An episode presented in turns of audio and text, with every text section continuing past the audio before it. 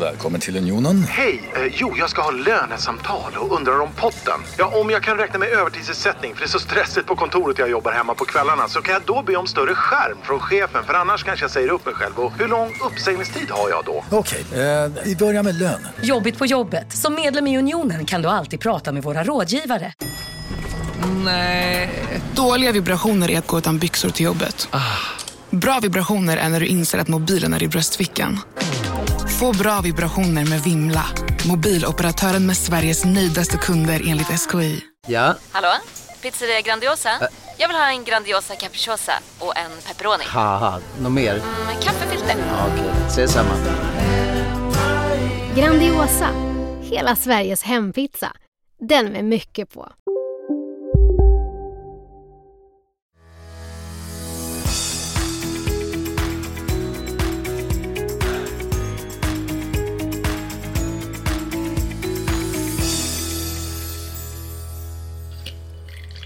Det är lite roligt att vi ska bege oss in i ett land, tack tack, som verkligen är bland de första länderna att tillverka vin. Men när man pratar om gamla världen så tänker man ju, oj, så tänker man ju inte på Grekland det första man gör precis. Jag anser Tyvärr. att det är fortfarande nästan nya världen. Ja, men det är ju inte det. De har ju tillverkat längre än i Frankrike och nästan längre än i Italien. Eh, välkomna till avsnitt 57. Det är det så? Ja. Åh fan, jag trodde det var 58. Nej, det är 57. 57. Vin och vi med Tobias Bäckster. Och Jonas Spångberg. Det säger jag med lite kusin i munnen. Ja, ja, vi sitter hemma hos mig nu och eh, är lite sådär med ett öra på övervåningen och hör om Johannes vaknar där uppe, men det gör han nog inte. Han brukar sova rätt bra när vi har lagt honom. Eh, och tjejerna är iväg och handlar pizza. Ja. Mm. Och vi är avsnittet före vårat 20, eller, jag tänkte säga 25-årsjubileum. Inte riktigt. Den 25 är vårt tvåårsjubileum. Exakt. Eh, Snacka om att blanda ihop siffrorna. Två år är roligt. Ja, vi kommer gå in lite mer på det nästa avsnitt. Mm. Ja. Och det kommer att bli ett extra insatt avsnitt eh, som blir på den 25. Precis. Eh, istället för att skjuta det en vecka Till. till. Ja. Eh, Så har man tur så kanske det blir tre avsnitt på raken nu här. jag hoppas det. Mm. Får vi upp våra lyssnar-ratings också. Och det här avsnittet har jag längtat efter. Från början så var det med att vi skulle prova vinerna. Till att vi nu ska faktiskt snart gå online, online med eh, vinmakaren nere i Grekland. Det blir spännande. Så vi ska prova alla de Ja. vinerna med honom. Ja, och då kanske många undrar så här, nu blir det engelska, stackars oss och lyssna på Mm. eh, Jonas och Tobbe prata engelska. Men nej, det är ju faktiskt en svensk vinmakare. Eller han är gift med hon som är dotter till han som grundade vineriet. Och han jobbar. Mm, han jobbar där, precis. Han är sommelier från Grythyttan. Exakt. Jag är uppvuxen i eh, Uppsala men det kommer han säkert berätta också. Jag har träffat honom ett par gånger. Eh, Och han var väl den som för mig lär, eller fick mig att förstå vad ekologisk vinmakning handlar om. Ecologico. Eh, Inte bara att vad man gör ute i Alltså i jorden. nej. Utan vad man gör sen när man får in druvorna. Så att eh, det, han, eh, han var jätteduktig på, på de föreläsningar jag varit på. Bra. Så Och vi pratar då om Monosakis. ja. Och, Heter det de. Och vi har delat upp det så. fyra vita viner. Och det är fem stycken röda viner. Eh, Så det blir två avsnitt. Ett avsnitt nu med vitt vin och sen nästa blir då med de röda. exakt. Och när jag tänker på Grekland, och jag, man har ju varit i kontakt med, med Grekland eh, och vinvärlden där, inte bara sol och, och sandstränder utan och många utav vinerna som säljs i alla fall på plats, det är väldigt många inhemska druvor som man aldrig har hört talas om spontant sådär i vinvärlden generellt. Ja och Assyrtiko är en av dem. Och det har vi haft ett avsnitt om. Eh, jag Mm. Det är väl ändå den som har fått ganska bra promotion utanför Grekland ändå, som är hyggligt känd internationellt. Ja och sen har vi ju två druvor som kommer med idag. Just det. är Romeico och det är Vidiano. Just det. Just det. Ehm, och jag har faktiskt för en gångs skull så har inte jag pluggat på någonting. Nej, och det är för att vi har ju ändå vinmakaren med oss som kan berätta lite mer om det. Så att istället för att vi ska eh, göra vårt arbete, ja, och göra vårt arbete så låter ju någon annan göra det. Ja. Men det roliga är när vi kommer till de röda sen så är det ju väldigt många och det ska bli spännande att fråga, Mm. fråga dem hur de har tänkt. För de har väldigt många internationella druvsorter i de röda vinerna. Men även en på den vita Just sidan. det, precis. I form av Rosanne. som Rosanne. Och Kan man inte säga att gre- grekiska viner generellt är ganska prisvärda? Om man hittar rätt. Ja, Om man Exakt. hittar rätt. ja. Och det gör man inte så Nej, ofta. tyvärr. Och vem vågar gå och köpa en, ett grekiskt vin för 250 kronor? Nej, och det ska vi säga, jag menar grekiska viner är mer än Retsina. Kan man ju lugnt säga. Och ändå är Retina det som har varit den största framgången nu sista åren med Tear of the Pine, ja. Eh, vilket vin som jag tycker är jättegott. Eh, de har även, det är ju från Kekris, de har även en annan druva som är väldigt lik Barolo. Eller Nebbiolo. Eh, som, jag nu, som jag nu har glömt bort namnet på det vinet. Men, eller på druvan. Det är ju en... åh, En röd druva? Ja, Mm. Eller blå, kanske man säger. ja. Vi får kolla upp det sen. Men jag kan ju bara säga att vi kan avslöja, vi kan, kan vara så pass transparent att vi säger vi spelar in båda avsnitten samt på, en, på löpande nu. Så vi har provat lite utav det röda här och det här, jag ska inte säga vad det är men satan vad gott det här är. Och eh, jag, jag, Herregud. blindar, in, jag blindade inte dig. Eh, men jag tog fram en flaska efter vi hade gjort eh, vårt köttenöfter papp-avsnitt. Så tog jag fram, jag tror det var Alexandras. Just det, det är ju en, i stort sett en köttnötterpan, ja, en sån blend. Och du sa så här wow. Mm. Och då visade sig att du tyckte prisklassen också var ännu mer wow. Ehm, Helt galet. Mm, Helt så att, eh, det här är ju ett, eh, en vinmaker som verkligen har bra viner till väldigt vettiga pengar. Så det ska bli väldigt intressant. Mycket intressant. Annars då? Annars då, så, annars är det bra. Jag, jag har en ny last förutom vin. Jag eh, har eh, hittat keso vanilj. Keso vanilj. Vaniljkeso. Oh, det lät gott. Det är helt, det smakar, du vet sån här GBs gammaldags vaniljglass? Ja. Den smakar så. Helt galet. Så jag har käkat, hela veckan har jag käkat keso vanilj, typ ett paket om dagen. Det är Efter jag har imponerande. tränat. Ja. Så jag har tränat en hel del den här veckan faktiskt. Så det är rätt skönt att komma in i tränings... Eh, Jag har gjort Rytmen. tvärtom. Jag har druckit vin hela veckan. jo, men det kan man också göra. Väldigt mycket vin. träna den armen också. Ja, det blev en hel del. Jag har tränat på olika matlagningstekniker. Ehm, Och eh, jag har druckit en hel del gott vin. Det har varit mitt... Inte fy skam det heller. Nej, men jag var faktiskt ute och gick eh, en och en halv mil i lördags. Och åkte skridskor. så. Åkte skridskor i söndags. Så det var faktiskt lite häftigt att få prova det. Och det var också i lördags som jag la ut, eller från, som vi la ut på vår Instagram. När vi var ute och käkade Eh, hamburgare där vid slottet. På Järby slott. Och jag kan starkt rekommendera att eh, åka dit och bo på dess... Precis, bo, bo, Ja, bor ni i wow. Sundsvall så åk, åk dit. Det är det värt. Ja men det är det faktiskt. Det, det Jag var ironisk, men det kanske Ja jag vet men eh, jag har bott där rätt så många gånger och jag tycker det är ett fantastiskt hotell. Det är utsett tror jag som Sveriges nummer ett boutiquehotell. Jaha. Eh, Men du, ska vi sluta prata och eh, Ska vi- prata med eh, ska vi berätta vem som är? Ashwin? Ja, Ashwin. Eh, och eh, han sitter nu och på förbereder sig hemma hos sig. Mm. Och om 20 minuter sätter vi igång. Så det, det ska bli riktigt kul. Mm. Och Så vi har vi- ju bra ljud för en gångs skull. Jag tror det. Man får faktiskt inte bra ljud under 300 kronor har vi hört. Men vi har faktiskt inte betalat 300 kronor för vår mikrofon utan Nej. fem gånger så mycket. Men skål! Skål. Och en bumper på det.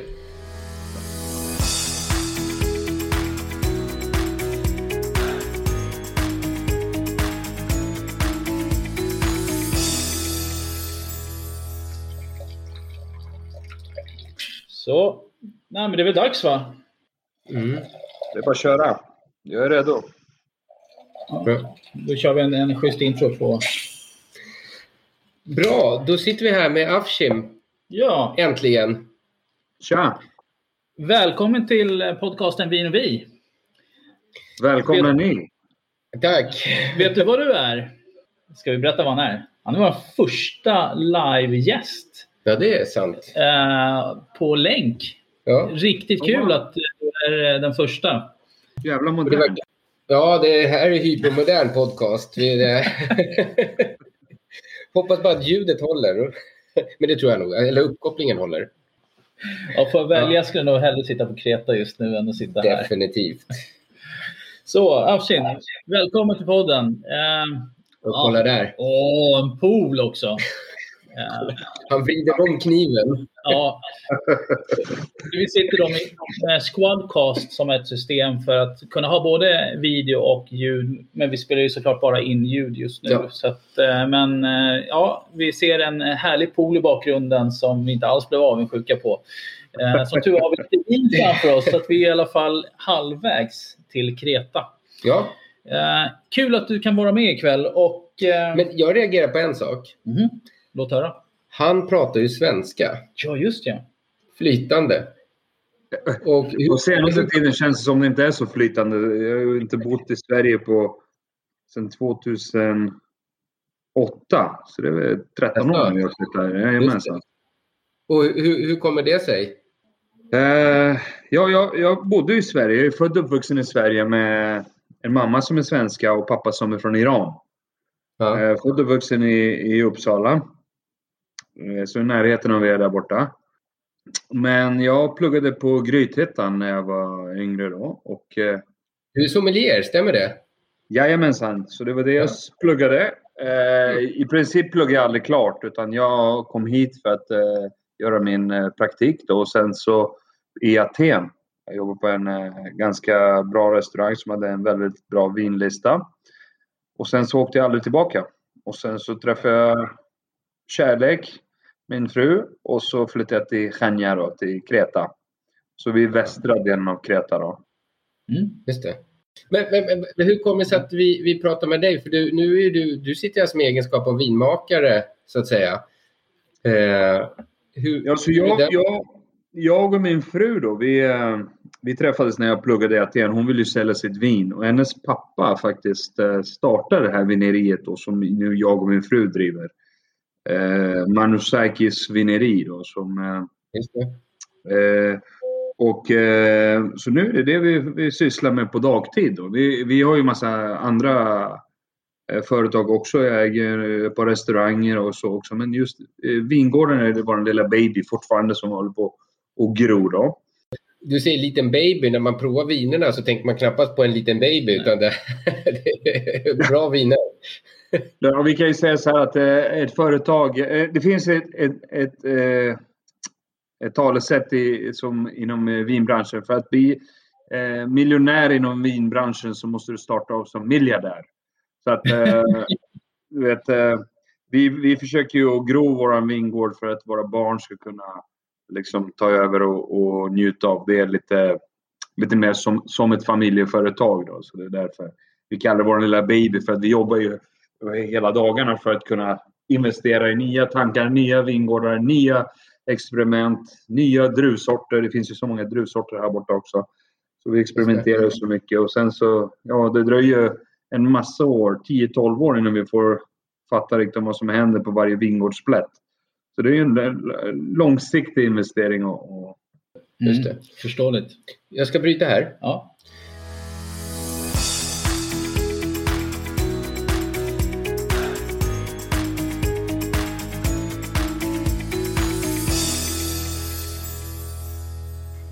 Okej, vi är tillbaks. Vi gjorde en liten, liten stopp här. Ni kommer kanske höra att det är lite annorlunda ljud nu, men vi var lite oroliga för att vår mikrofon tog upp eh, Afshins eh, eh, Ljud. röst. Mm. Därför.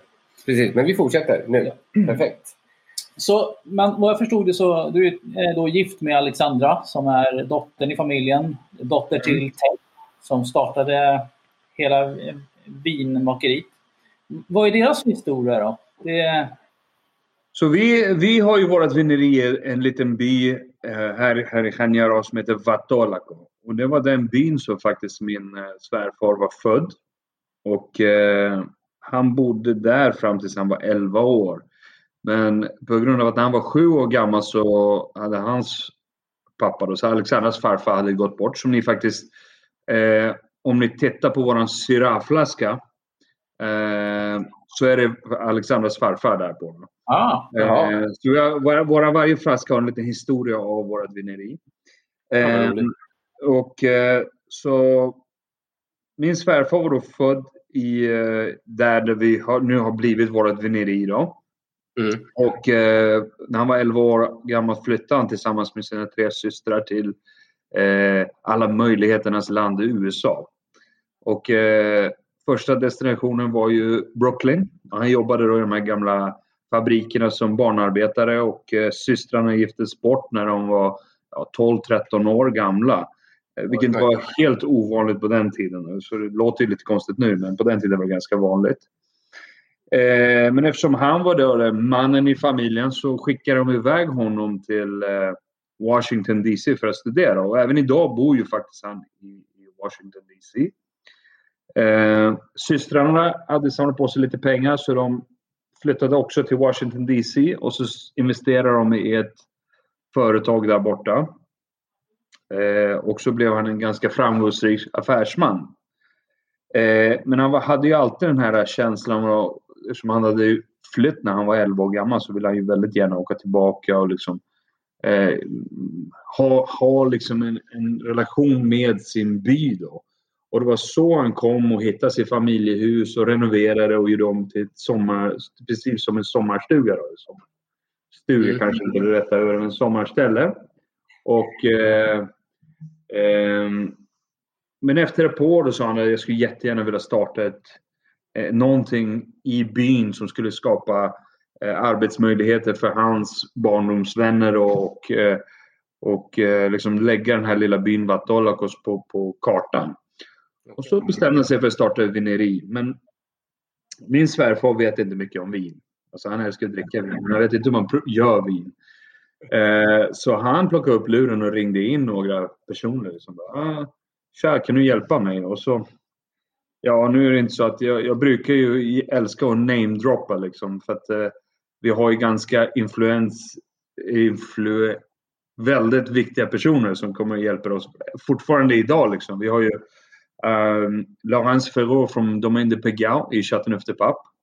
Uh, hon kommer ju fortfarande att visa oss hur, hur vi ska uh, hur vi ska ta hand om grenachen, om vi planterar nya grenage och så vidare. För att uh, hon är väldigt, väldigt duktig på sin grenage. Även om vi är väldigt annorlunda stil vad hon gör då. vi är uh, Yverodi. Yverodi är ju då en geolog, heter det så på svenska? Geolog.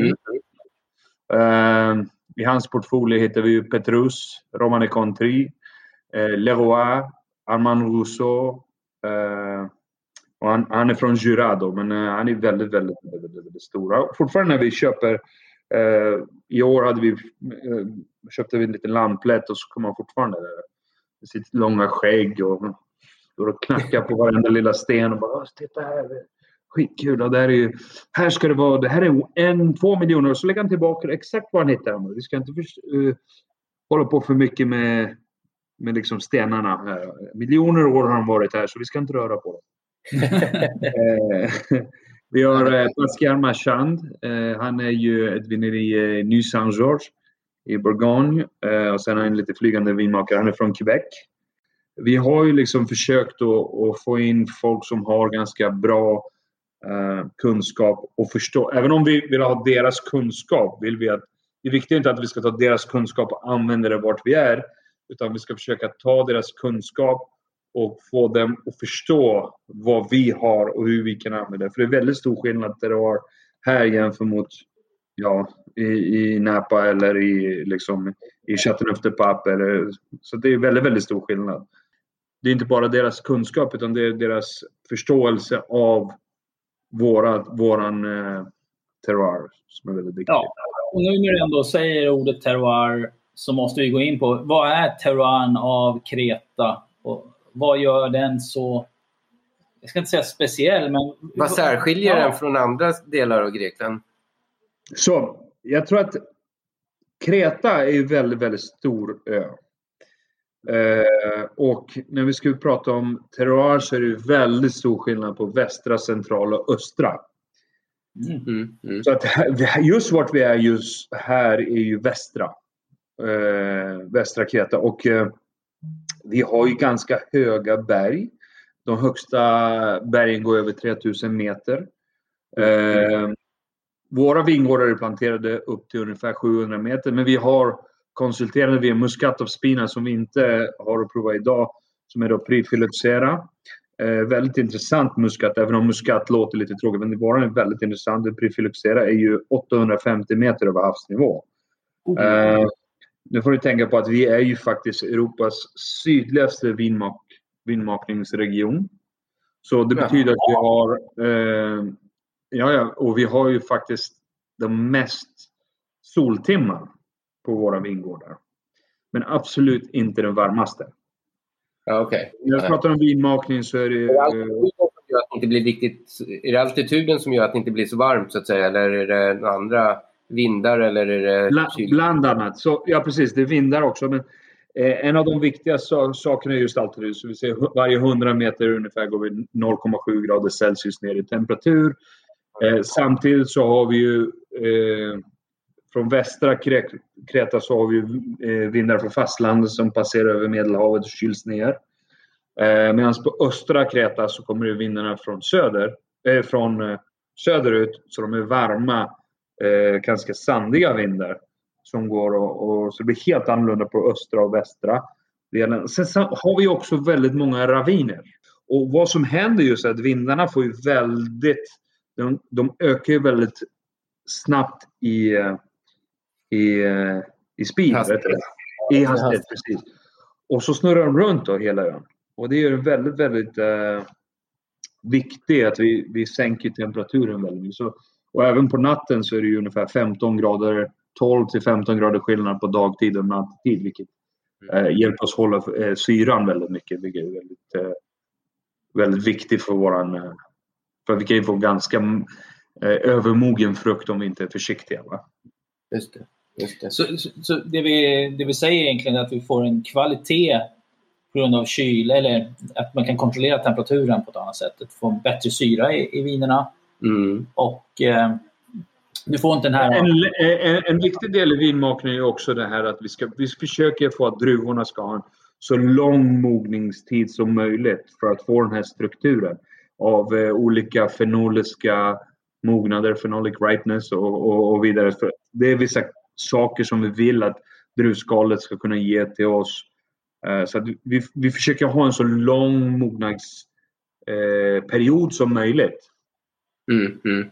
Just det. Just det. Så, det, så det, det, där är en del av vår terroir. Den andra delen är självklart jordmånen. Jordmånen är jätteviktig.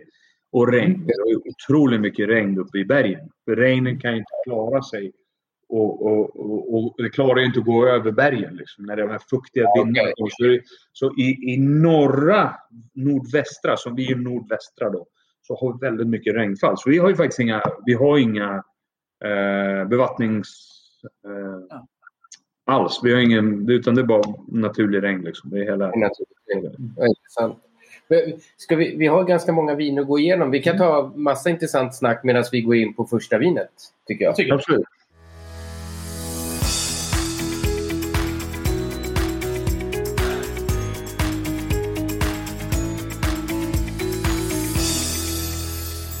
Så vi kommer att börja med eh, våran, vidja, eh, våran Assyrtiko, va? Eh, artikelnummer på Systembolaget 763,90 kostar 199 kronor. Och det är årgång 2018 va? Ja. Och när man tittar på här hemma så, jag menar, Retsina känner de flesta igen här i, i Sverige via Systembolaget. Eh, det finns några Assyrtiko också. Eh, och- Ja, ja. Och Ja, vad, vad ja, är precis. Assyrtiko? Var, var kommer druvan ifrån så att säga? Så de säger då att Assyrtiko är ursprungligen från Santorini. Eh, vilket är en vulkanisk ö som producerar fantastiska, väldigt eh, mineraldrivna viner. Va? Eh, Assyrtiko är den druvsorten som har blivit mest ökad i plantage eh, över hela Grekland på grund av eh, det som Santorini har liksom kunnat marknadsföra. Ja. Eh, även om Santorini kanske inte är det mest välkomnande eh, vitvinet för, för eh, nybörjare inom vinbranschen. Liksom, i, i vin, eh, för att prova. För det kan vara lite, lite sega, lite jästiga, lite oxiderade ibland och lite för mineralrika. Så har vi liksom olika al- alternativ över hela Grekland. Eh, I norra Grekland så får de väldigt fruktiga, väldigt Sauvignon Blanc-liknande. Man leker väldigt mycket med Sauvignon Blanc yeast, jäst. Ja. Ja. Eh, Medan här på Kreta, just den här vingården planterade vi 2011. Eh, och det var en av de första, Vidianoa Syrti var de första då som, när jag kom in i vineriet, att vi började plantera dem. Så vi, vi, eh, de är ganska unga vinrankor fortfarande. Eh, och eh, här har vi en höjd ungefär 650 meter. Någon sånt där. Mm. Kan, man lika, kan man lika gärna plantera dem På 300 meter? ja, eller 100 meter eller? De skulle, de skulle kunna gå, men jag tror att det skulle vara lite... För, för, för mig så är jag lite rädd just på sådana här låga höjder att få lite övermognade frukter. Ja, okej. Vilket andra druvsorter som har en längre mognadsperiod klarar sig jättefint. Liksom. Eh, Okej. Så att det, det, man ska hitta den rätta druvsorten med den rätta vinrankan, med den rätta eh, platsen. Eh, jordmånen här är väldigt eh, järnrik jordmån som är eh, sand, lera och kist. Va? Eh, och vi har väldigt mycket manganit i våra... Heter det så på svenska? Manganit? Det är en mineral som ger eh, lite större kropp. Eh, och när vi jäser den här, alla våra viner är spontanjästa förutom vårt rosévin. Vilket eh, kallas wild yeast. Va? Så vi låter ju använda jästfällningen i våran, i våran vingård och i vårt vineri. Vilket ger en lite mer ren karaktär så vi får inte den här jästigheten som ibland eh, om man har stressat jästen. Vi har en ganska kall jäsning och vi låter det ligga med jästfällning i ungefär fyra månader. Jag tror 2018 vi hade lämnat den eh, sex månader för jag tyckte att det behövdes lite, lite mer för att få lite mer krämighet. Va? Just det. Här, här pratar vi bara ståltank. Bara ståltank, jajamensan. Vi har experimenterat liksom med ek också. Men jag tror att vinrankorna är alldeles för unga för att kunna ge den här kraften för att eh, eh, passera. Liksom. Vi behöver väldigt gamla vinstockar för att kunna göra någon ek. Jag lite över vin. Ja, alltså, jag, den är floral. Du har mycket blommighet i Verkligen den. blommig. Mm. Den har en kropp i sig. Ehm, Ja, det, det, den, den är inte liksom smal på något utan den fyller ut i munnen. Alltså, den är... och, och, vi, ja, och vi sa det till Afshin. Vi kommer alltid vara ärliga vad vi tycker om ett vin. Ehm, men eh, Mm. det här är riktigt gott. Det är och, det, det här är, och jag är så glad att få prova det här efter vi hade två korkade viner. Mm. Ehm, för att det Det är verkligen... inte bara du som är korkad, det var vinet också. Ja, Och, eh, men syran är ju väldigt påtaglig, men den tar inte över på något sätt. Du har den här florala blommigheten i vinet Mm. hela tiden också. blommigheten är det som jag blir mest eh, positiv över. Ja. Och tillsammans med mineraliteten som kommer. Vad, vad brukar ni äta till det här? Ni, du har ju en restaurang också, så jag förmodar att... Eh, Ja. Bara en lätt grillad fisk är fantastiskt för du har en lite rökighet och lite... Det är fantastiskt. Väldigt simpelt bara på grillen. Eh, en annan sak jag vill säga då med, med just det här att ni, ni, ni dricker ju faktiskt 2018 va? Så Ja. nu har vi liksom ett två, två och ett halvt år gammalt vin. Vi buteljerar det ungefär för två år sedan. Eh, och eh, jag tror att det är nu det börjar liksom öppna upp sakta men säkert. Om vi skulle prova det här vinet två år sedan så var det så här väldigt instängt, kanske lite aromatisk, hade ju nästan ingenting och det var mineral och syra. Väldigt låg pH på den tiden. Ja. Skulle du säga om en sous vide är på väg till dig för att du hörde en kollega prata om det och du råkade ljuga om att du också hade en och att den var så himla bra att maten blev så otroligt god och innan du visste ordet av hade du bjudit hem kollegan på middag nästa helg för att du sålt in din lågtempererade stek så bra att du var tvungen att beställa en på nätet fort som attan. Och ja! Då finns det i alla fall flera smarta sätt att beställa hem din sous vide på. Som till våra paketboxar, placerade på en plats nära dig och tillgängliga dygnet runt. Hälsningar Postnord. Välkommen till Momang, ett nytt smidigare kasino från Svenska Spel, Sport och Casino där du enkelt kan spela hur lite du vill. Idag har vi Gonzo från spelet Gonzos Quest här som ska berätta hur smidigt det är. Sí, es muy excelente y muy rápido. Tack Gonzo! Momang, för dig över 18 år. Stödlinjen.se. Du, vad fin du är. Tycker du? Ja, du ser ut lite som en vinkelslip från Makita. En X-look. Vet du lite för mycket om byggprodukter? Vi är med. -bygg. Bygghandeln med stort K. att det är ett vin som behöver lite tid innan man dricker det. Jag skulle, alltså, om, om jag skulle vara en sån som hade lite plats i vinkällaren så, här, så hade jag jättegärna köpt och bara lagt undan ett par 12-14 flaskor. Det klarar ju 6-7 år till. Eh, etiketten. Du sa att alla etiketter har en, en historia bakom sig. Vi har en äldre man med vitt hår som eh, provar ett vin. Vad, vad har vi för historia bakom det? Så, han ser ju lite ut som Mr Miyagi, eller hur? Ja, väx on, väx off. Är det? Alltså, det där är vår vinmakare som jobbar eh, på vineriet. Då. Så det är ingen av våra konsulter utan det är vår vinmakare. Och han var ju, eh, han var ju våra, våra vinmakare från första årgången som vi gjorde var 1997. Så han har ju varit i vineriet sedan dess. Och det är hans son faktiskt som eh, vi pratade om eh, tidigare som jobbade på Phelps som är faktiskt vår vingårds eh, chief. Chief vingård. Ja, vingård. Precis. eh, så det är ju en far och, en so far och son grej som händer där som är jätte, jättekul. Och, eh, vi har ju väldigt mycket respekt för Kosti. Han heter Kost, Kostis Galanis. Då tyckte jag det, det här var ju vårat, en av våra senaste viner, så tyckte sa vi vi måste ju ha ett ansikte som, som vi älskar så pass mycket. Och det blev liksom mm. Kosti. Den här har jag paxat, kom ihåg det. Fan. Vi pratar 199 kronor i Sverige. Nej, vänta. Vi, går in, vi har redan börjat tjuva lite på nästa, på nästa vin här. Ja. På, på Vidiamo. Vidiamo? Vidiano? Vidiano. Vidiano. Vidiano. Vidiano. Vidiano. Det låter nästan lite... Vet du vad jag tror? Vi måste åka ner till Kreta för att vi är alldeles för dåliga på att uttala det. Tobias har fått väldigt mycket kritik genom tiderna här att han uttalar namn väldigt dåligt som inte är svenska. Men vi har ett artikelnummer 76749 och kostar 199 kronor. Och, och 199 kronor för den här doften är helt sjukt. Satan vad det doftar bra. Verkligen smörigt och gott. Så det här vinet, så den här vin, druvsorten planterar vi också i samma tid. Men här är vi mycket lägre ner i vingård eh, höjd. Vi är nere i runt 320 meter. Just det. Samma, planterat samma år. Det är ungefär samma jordmån, även om vi har lite mer lera och inte så mycket kist och, och, och sand som vi har där lite högre upp. Eh, så ungefär samma jordmån. Eh, vinmakningsprocessen är mer eller mindre samma, förutom att vi istället för att lägga det eh, fyra eller sex månader då på, på, med gästfällningen så lägger vi det ungefär tre månader. Lite mindre, även om det känns liksom att det har lite längre gästfäll, lägga på gästfällningen så har vi inte det. Utan det är, eh, en annan sak som jag faktiskt, alla våra viner är ofiltrerade också och så är de oklara. Så de placerar bara stabilisering. Men vad jag reflekterar det står ju Nostos nu på alla viner. Och det vi dricker nu är då Vidiano. Och Mm. Vidiano är druvan.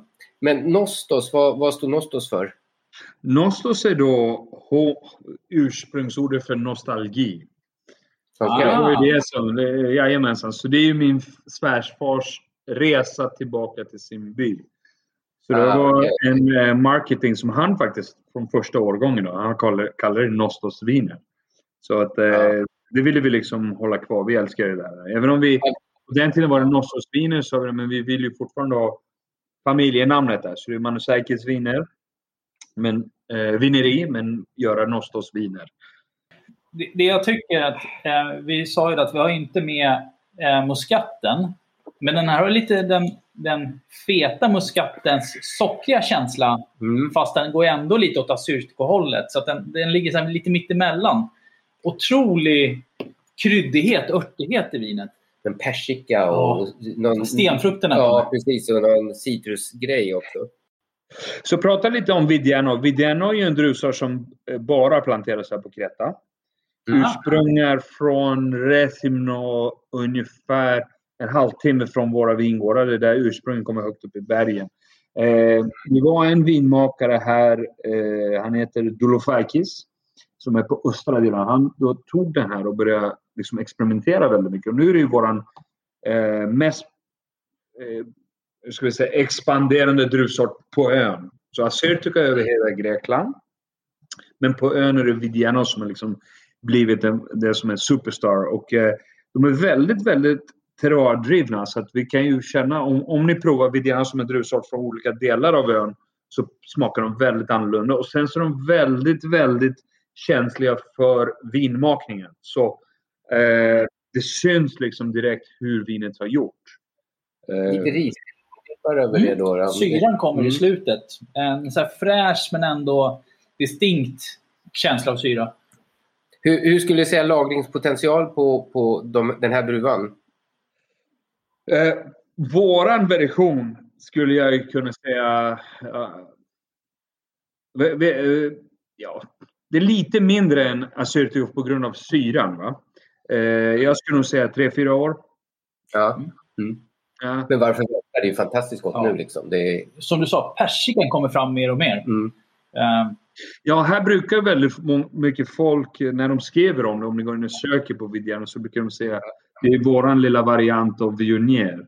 Just på grund av den här karaktären som man får. Att den är lite fet och sen just den här eh, eh, vit persika, hela varianten där som man får. eh.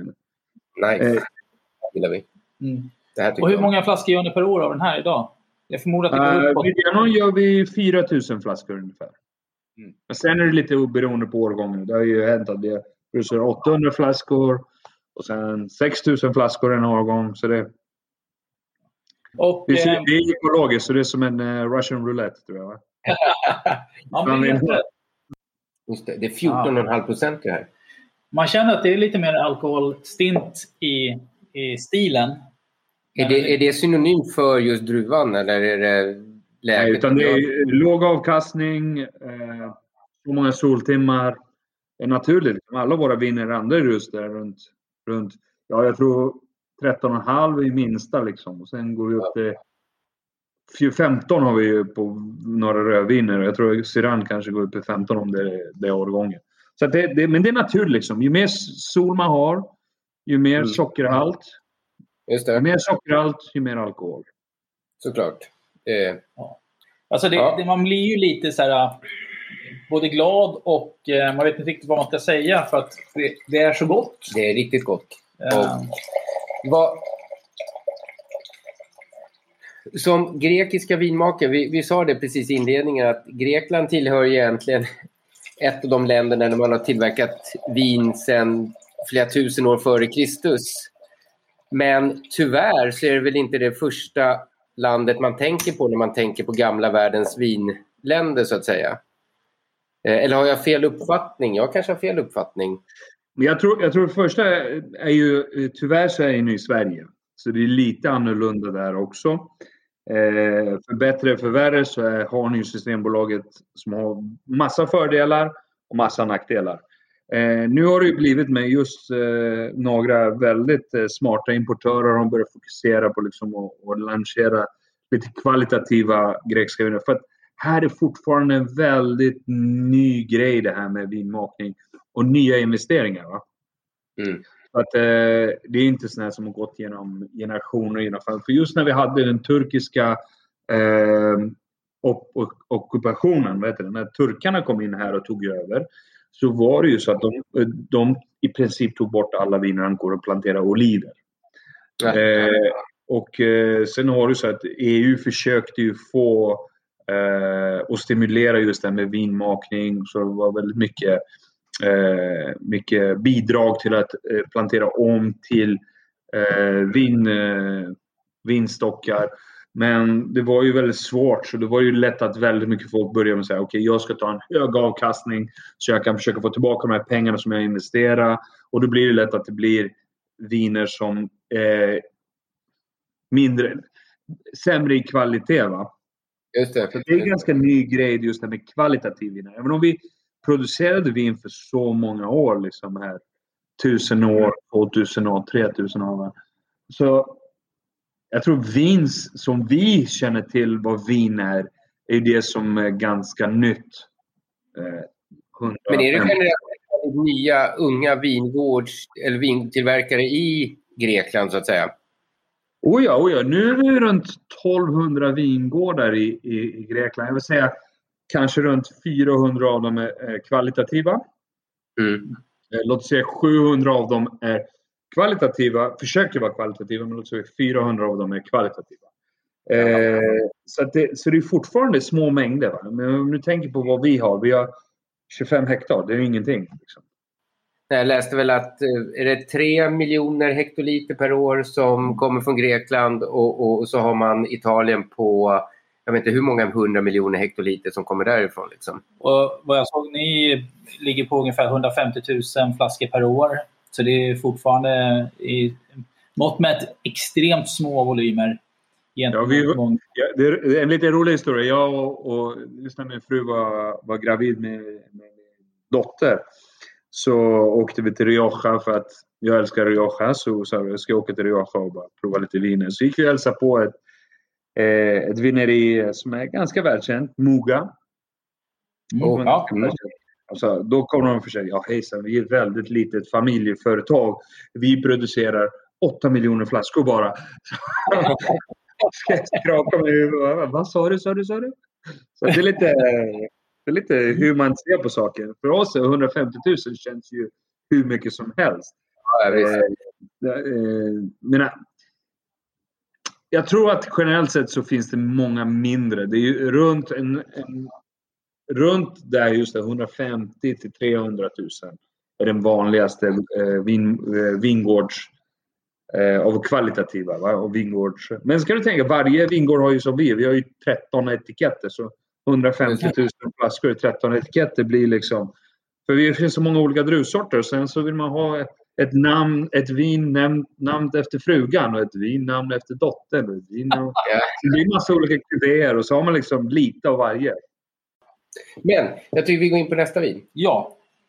Vi går in på nummer tre av de vita vinerna. Och nu är vi inne på ett vin som heter Romeico.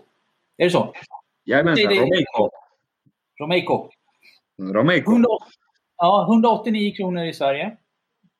Jonas, vad har vi för artikelnummer? Du, det kan jag leverera på en gång här. Om jag bara får... Jag har inga glasögon på mig, jag ser ingenting här. ja, jag kan se. Ja, kolla.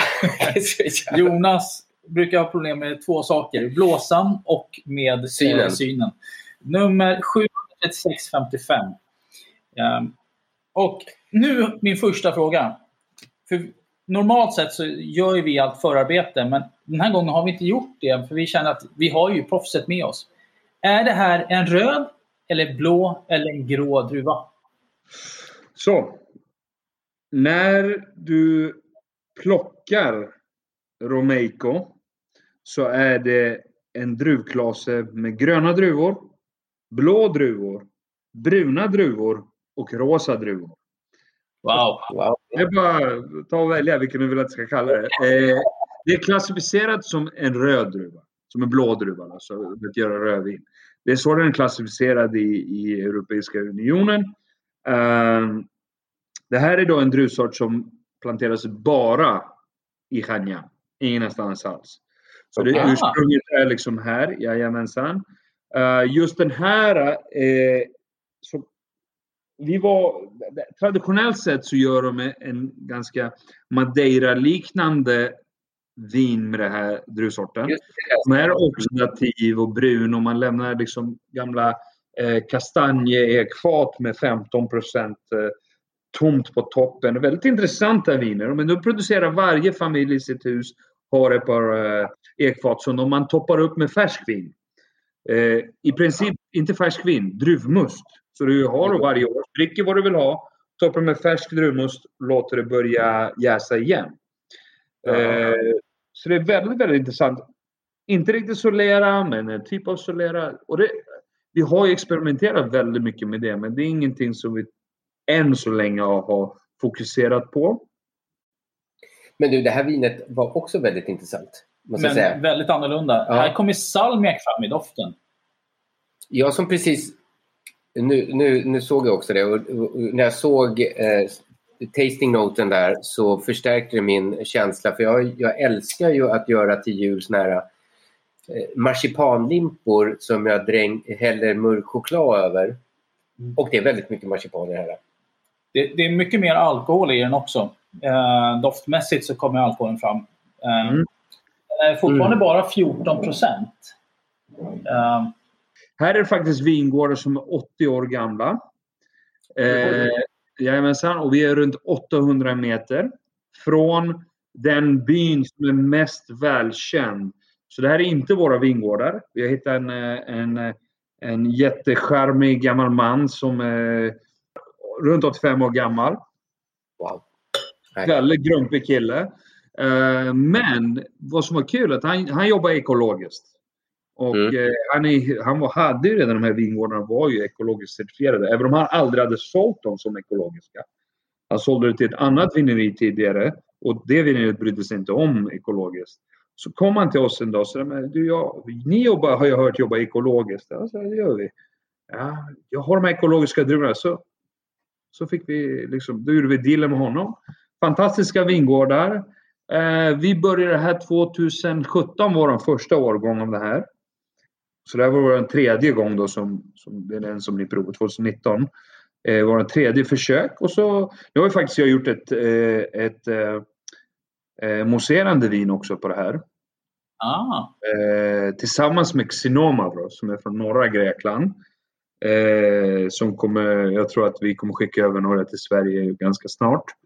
Så vi lär oss ju liksom varje år lite mer av just det här. Men sa du att det var på 800 meters höjd eller var det bara jag som fick för mig? Ja, det är åtta- 800 meters. Jajamensan. Helt galet. Mm. Det, det är ganska högt. Är, Eh, men vet du vad? Vi måste ju också än en gång fråga etiketten. Det är mitt ansvar idag. Ja. Det här, är kanske, det här är vår senaste vin, förutom då mousserande som faktiskt har mitt ansikte. För att jag är så vacker. Eh, det här är då, om ni tittar så är det ett R. Ett stort. R för, för Romeico. Men om du tittar väldigt noga så är det alla våra etiketter fram tills vi kom på den här. Så vi kallar våra resa fram till vårt hem. Då, vårat, eh, eh, våran slutfas, vilket är våran lokala druva. Va? Våran lokala druva känns väldigt eh, viktig att vi ska experimentera. Vi har experimenterat många, många år med det, men vi har liksom inte fått det här eh, som, ett, som ett självständigt vin. Eh, vi har ju ett annat rödvin också som vi gör Syrah med Romeico också, men, men just som ett 100% Romeico. Mm. Nu har vi gått över snabbt på ett, det som Tobbe har sjungit och jublat över här, eh, Rosanne. Ja. Jag har så mycket bra minnen av det här vinet så att det är galet. Mm. Eh, Det är så? Wow! både skaldjursplatåer och eh, mysa i soffan. Är blandat. Alltså, det här är en 100% Rosanne. Och den heter Rosanne. Kostar eh, väsentliga 259 kronor. Så att det är inte den billigaste flaskan vitt som man kan köpa. Men det är bland de billigare Rosanne du kan köpa. Vi har ett artikelnummer också. Ja. 737 58. Såg jag. Och du eh, sa ju redan nu att eh, Rosannen är delvis på fat. Visst var det så? Jajamensan. Rosanne är 100% på fat. Ja. Eh, även om det var ett årgång som jag hade gjort 15% ståltank, men det tyckte jag inte om i slutändan. Så vi bytte tillbaka. Eh, Rosanne är en druvsort som har otroligt låg avkastning. Så vi får väldigt, så varje vinrank kan producera en druvklase, ungefär halv flaska. Oj! Oj. Eh, En enda? Det är allt. Väldigt kompakt. Små druvor med väldigt tjockt skal och stora kärnor. Så vi får lite, lite, lite juice. Men det gör ju att det blir otroligt koncentrerat. Just det. Är det, är det Eh. något att man använder den mycket som en blenddruva eller? Precis, då har det varit vanligt att man använder just Marsanne för att liksom blända ut det här lite. Någon Grenache Blanc något så. Eh, när, vi, när min svärfar bestämde sig för att plantera den här eh, druvsorten så hade vår, en av våra konsulter, och Laurent, som sa det, men du är galen, varför? Det kommer inte vara något bra. Det, alla i Råndalen håller på att ta ut det. Liksom. De var ju, det här var ju 93 då, när första plantagen var. Ehm, hon bara, det är ingen som är... Nu har det ju kommit tillbaka väldigt mycket. Nu är det ju eh, för man börjar eh, förstå lite bättre att okej, l- det går att sälja dyrare viner. Jag tror Bocastel går väl runt eh, 2000 spänn, 3000 spänn och sånt där. Läsvin. Så det är lite skillnad. De är tio gånger dyrare än vad vi är nu. Mer. Men om, just det här vinet. Doften, om vi tar den först. Den är fet. Den är fet och smörig, Ja, men, men- Det, det har en fruktighet som är fantastisk. Men, men här tycker jag att du får fram lite de här vilda örterna också. Eh, som, som jag tycker är så fantastiskt med Kreta. Att du har lite lavendel nästan som kommer fram i doften. Mm. Åh, Mm. ja, det här... Och doften får en sån här, vad ska jag säga, den är smörig. Mango. Mango. Men det är någon rökighet i den Ja. också. Och var kommer den ifrån? Rökigheten? För den känner jag också, när du säger. Uh, en liten, liten del kommer från uh, ekfaten, men sen har ju den här... Kan, det ger ju den här kanske rostade mandlar.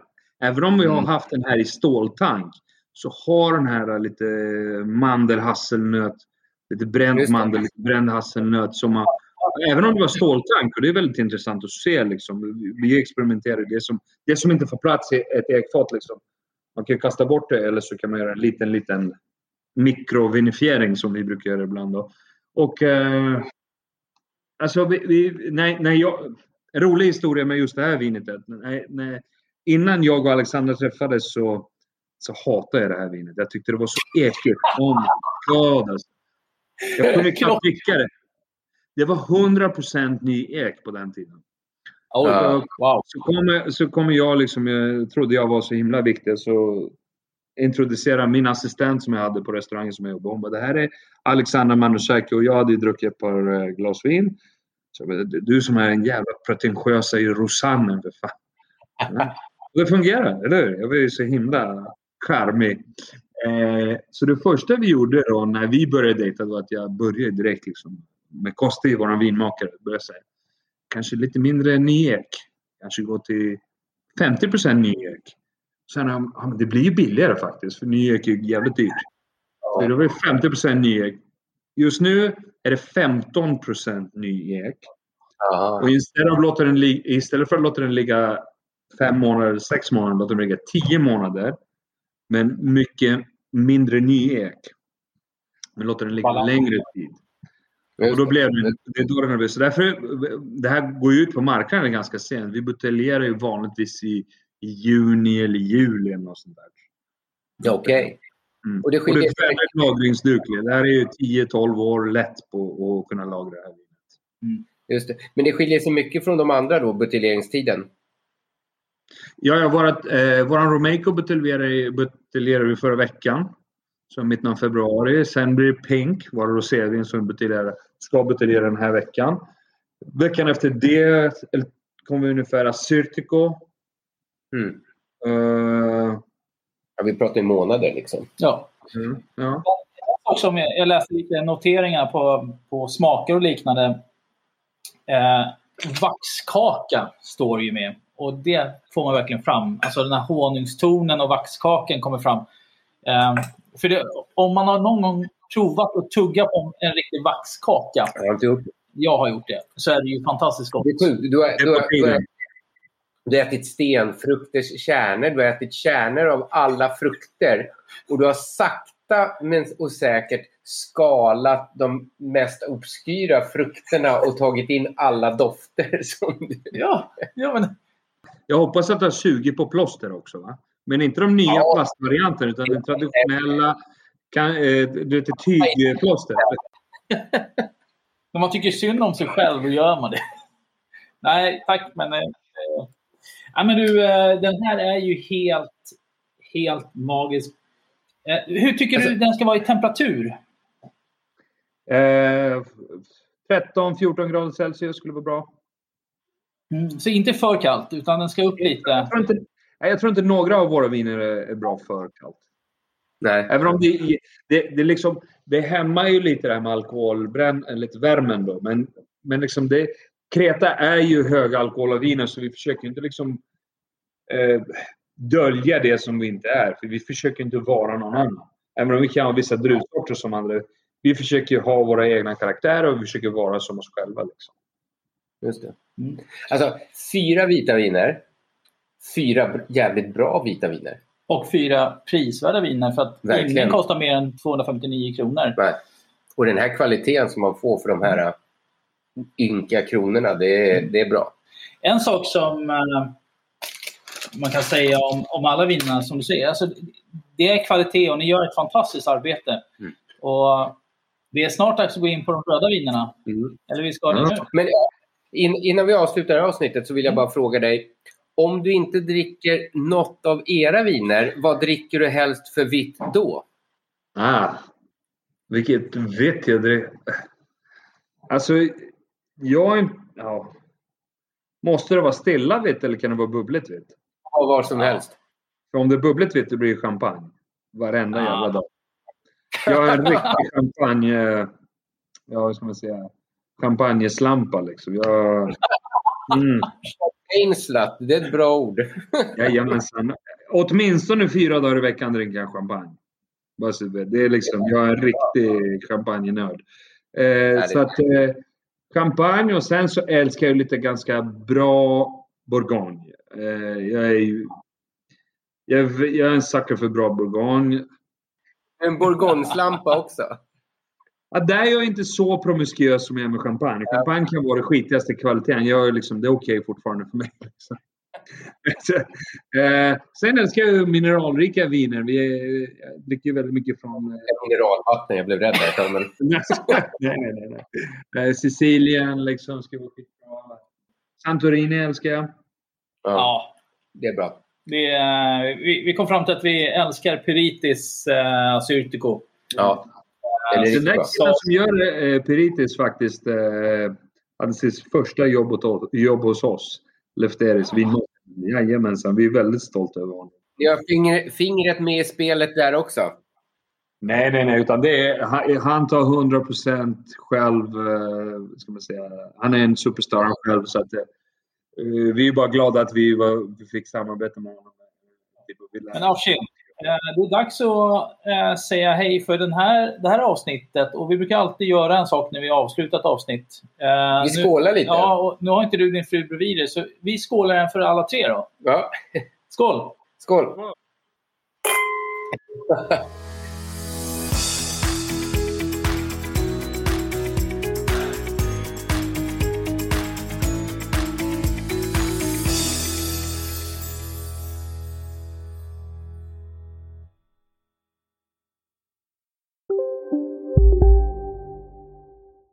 åker på ekonomin. Har han träffat någon? Han ser så happy ut. Var det onsdag? Det är nog Ikea. Har du dejtat någon där eller? Han säger att han bara äter. Ja, det är ju nice där alltså.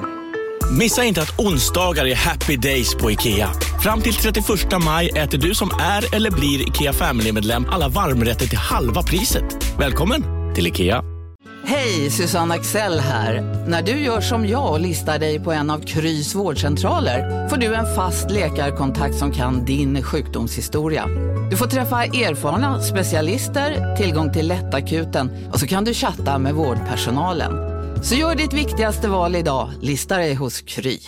Nu ska du få höra från butikscheferna i våra 200 varuhus i Norden. Samtidigt. Hej! Tack. Jo, för att med så många varuhus kan vi köpa kvalitetsvaror i jättevolymer. Det blir billigare så. Byggmax. Var smart. Handla billigt.